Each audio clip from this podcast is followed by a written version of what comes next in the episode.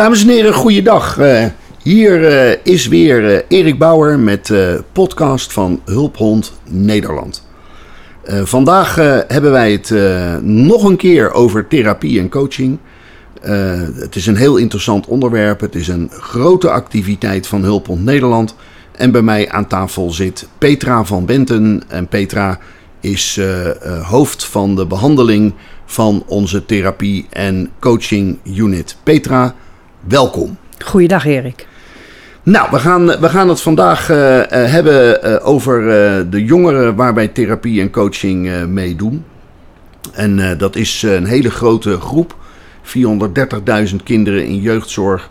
300.000 kinderen die wekelijks ernstig worden gepest in Nederland. Dat zijn nogal aantallen, Petra. Ja, dat zijn zeker aantallen. Ja, dat klopt. En, en daar zit volgens mij nog een hele groep omheen van jeugd waarvan alles mee loos is, uh, uh, ja, die dan niet in jeugdzorg uh, zit. Klopt. Ik bedoel, voordat je in jeugdzorg komt, heb je al vaak een pad afgelopen.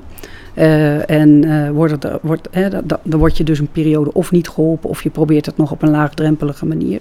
Ja. Dus er zijn heel veel jongeren die, die wij ook niet zien en die niet in die cijfers meegeteld worden. Dat klopt. Wat, uh, wat, wat, wat ik wel vind is uh, dat, dat er tegenwoordig ook heel uh, makkelijk allerlei stempels op kinderen worden gedrukt. Voor, voordat je het in de gaten hebt, ben je hoogbegaafd of heb je autisme of ADHD. En dan, dan zijn drukke kinderen ineens ADHD. Ja. Hoe, hoe, kijk jij daarnaar? Nou, ik ben dat heel erg met je eens. Ik, ik denk dat de eisen die we stellen in de maatschappij, hè, op, al op de blazenschool, uh, en wat kinderen allemaal moeten kunnen, dat dat, dat, dat behoorlijk veel is. En dat uh, in de grote klasse een druk kind al snel als een probleem wordt ervaren. Terwijl dat uh, in mijn tijd toch heel anders werd opgelost. Dus ik, ik, ik ben het met je eens. We, neigen heel erg naar probleemdenken. Terwijl er niet gekeken wordt naar dat energieke kind met heel veel energie en creativiteit. Want dat is de andere kant hè, van het probleem. En ik denk dat, dat de andere kant van het probleem en daarnaar kijken echt heel belangrijk is. Dat is ook een van de dingen die wij uh, in onze therapie en coaching doen. We kijken niet naar het probleem, maar we kijken naar wat een kind wel kan en waar hij goed in is. En op, en op die manier stimuleer je het kind dan om daar gebruik van te maken ja, naar de toekomst. Ja, gebruik te maken van zijn talenten. Uh, en en dat ook steviger te maken en te ontwikkelen. Uh, en, en, vaak zie je dan ook dat kinderen, omdat er altijd naar de negatieve kant gekeken wordt, heel onzeker zijn. En zeggen, nou, ik kan het toch niet of ik doe het toch nooit goed. Uh, en en wij, wij kijken naar wat kan je wel goed, hoe kan je dat uitbouwen. En vervolgens maken we ze ook steviger, zodat ze weer in zichzelf geloven. Ja, en dat is natuurlijk ontzettend belangrijk. Ja, ja, je, en, en als, je het, als je het hebt over, uh, dat zei je net, hè, dat, dat kinderen tegenwoordig heel veel moeten en, ja. en al dat soort dingen. Hè. Je leest ook in de krant dat uh, uh, bij, bij, jeugd, jeugd al burn-out verschijnselen plaats hebben. Ja. dat die niet meer kunnen voldoen aan al die eisen en al die uh, druk die, die er wordt uitgeoefend. Uh, laat, laat jouw licht daar eens over schijnen. Hoe kijk jij daarnaar? Nou, ik vind dat een, een, een, eh, een kwalijke zaak. Ik vind kinderen moeten vooral in eerste instantie kind kunnen zijn, spelen en zich ontwikkelen als mens. En uh, als jij slim bent en goed kan leren en je vindt dat leuk, dan denk ik dat dat zeker heel goed is. Maar um, uh, het gaat niet meer over wat een kind zelf wil, maar wat er allemaal voor ze bepaald en bedacht wordt. En ik denk dat daar heel veel kinderen op stuk lopen en jongeren. Dat je al op je dertiende moet weten wat je wil worden als je 25 bent. Nou, dat is natuurlijk onmogelijk, dat kan je nooit overzien. En als je dan ziet uh, hoe, hoeveel uren en hoeveel dagen en hoeveel huiswerk ze hebben, ik denk, ja, je bent eigenlijk alleen nog maar cognitief bezig. En het voelen, het spelen, uh, het ondernemen en het ervaren, ja, dat, is, dat, is, dat gaat steeds meer uh, naar de zijlijn. Terwijl ik denk dat dat essentiële dingen zijn om groot te worden en een stabiel volwassen mens te worden. Dus daar ligt ook een rol voor de ouders om uh, juist ook op dat gevoel te werken bij het kind. Ja. Uh, hem niet de hele dag achter de computer te laten zitten, ja. maar hem naar buiten te sturen. Precies. allerlei zaken die ervoor zorgen dat een kind ook bij zijn gevoel kan komen. In plaats van dat hij alleen maar met zijn hoofd bezig is. Ja, en, en communiceren achter een scherm is heel anders dan communiceren face-to-face. En ehm, in die zin denk ik ben je ook aan het verarmen als je dat alleen maar doet van achter een scherm. Ik denk dat menselijk contact, samen voetballen, spelen, eh, in de stad hangen, wat sommige pupers doen, vinden we altijd heel vervelend. Ik vind het heel gezond, want het hoort bij groot worden. En, en dat, dat is echt heel belangrijk.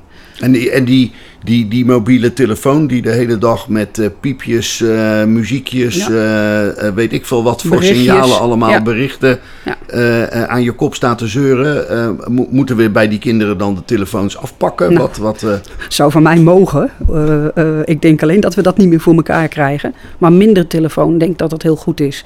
En wat je ook ziet is dat iedereen spannende dingen moet meemaken. En iedereen blij moet zijn en leuk en gave dingen moet doen. Ja, zo zit het leven niet in elkaar. Hè. Over het algemeen is het leven saai, met af en toe een uitschieter naar iets leuks. En, en, en soms is het helemaal niet leuk. Dus, dus de maakbaarheid van je bestaan en altijd maar moeten presteren en het altijd maar leuk moeten hebben en leuk moeten doen en, en, en heel druk bezig zijn met van alles en nog wat. Ja, ik denk dat dat een verkeerd beeld geeft. Dus daar ligt ook een taak van de ouders om daar met de kinderen over te praten. Ja, daar ligt een taak van de ouders, maar ik vind ook dat dat een taak is van de scholen en eigenlijk van ons allemaal.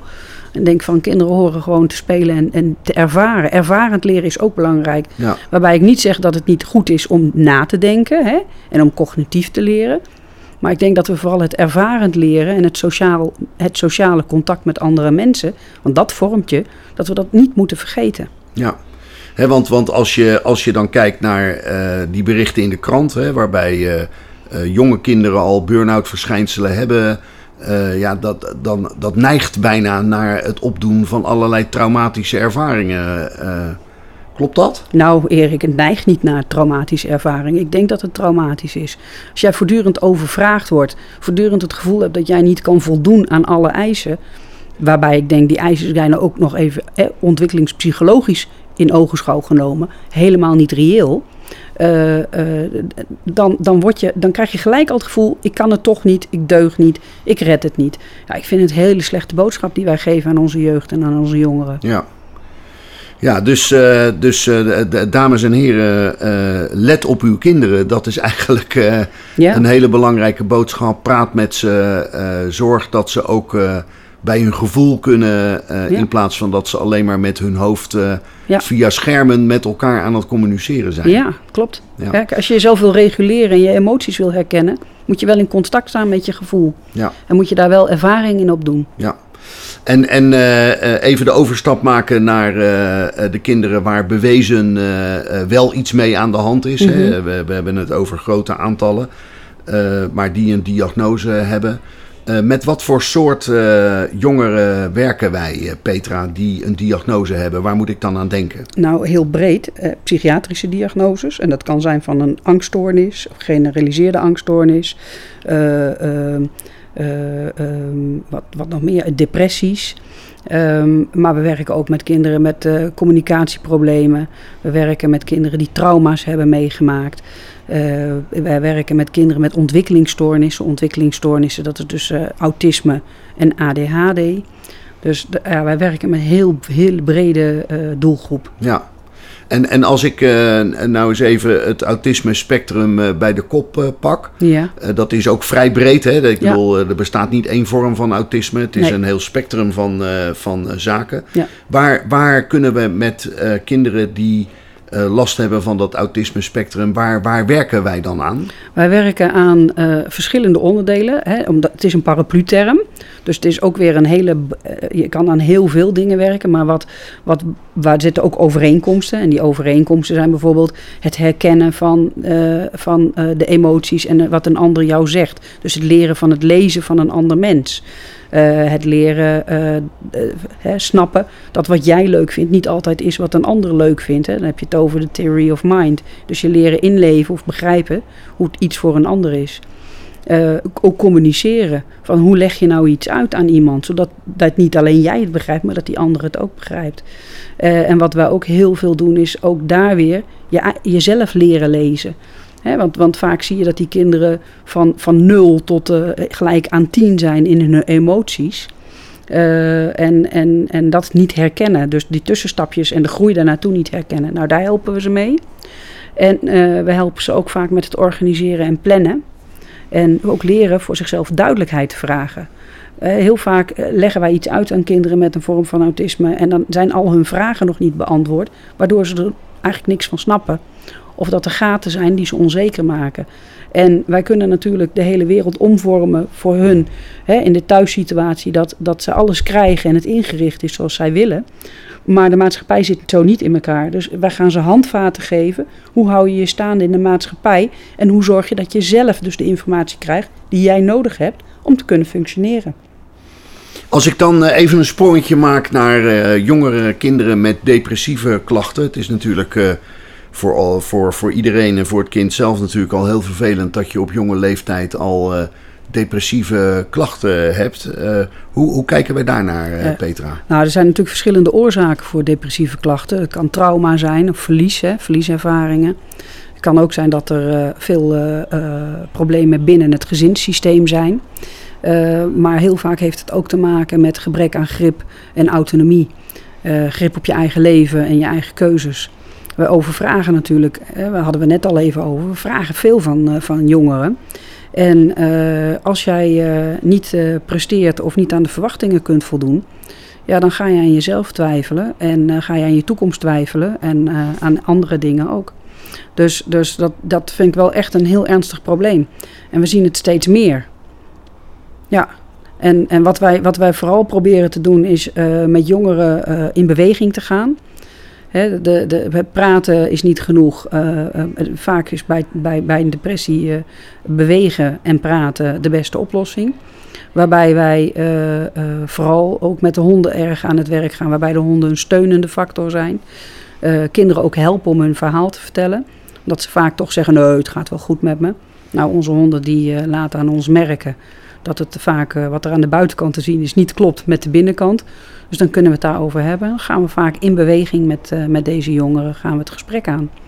Uh, hm. waarbij, waarbij we vooral gaan, gaan kijken, hè, afhankelijk van, van de oorzaak van, van de depressie, of waarvan vermoedelijk denken dat die wegkomt.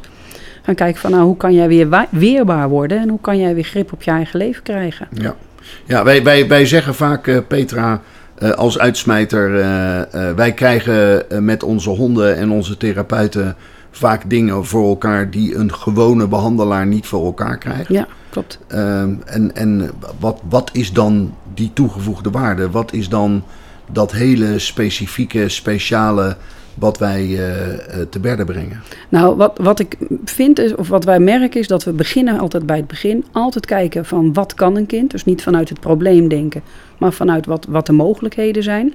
En vanuit die mogelijkheden gaan opbouwen uh, met het kind en werken aan zijn doelen. Waarbij natuurlijk die hond heel essentieel is. Dat die hond kinderen eigenlijk opent en, en zorgt dat ze vertrouwen krijgen, ook in de volwassenen. Uh, wat deze jongeren vaak mee hebben gemaakt, is dat, ze, dat het vertrouwen, door wat ze hebben meegemaakt, het vertrouwen in volwassenen uh, een beetje kwijt zijn. En, en met een hond hebben ze over het algemeen gewoon een goed gevoel. Uh, dus, dus de motivatie om te komen, met ons in gesprek te gaan, dat helpt allemaal door, door die hond bij te voegen.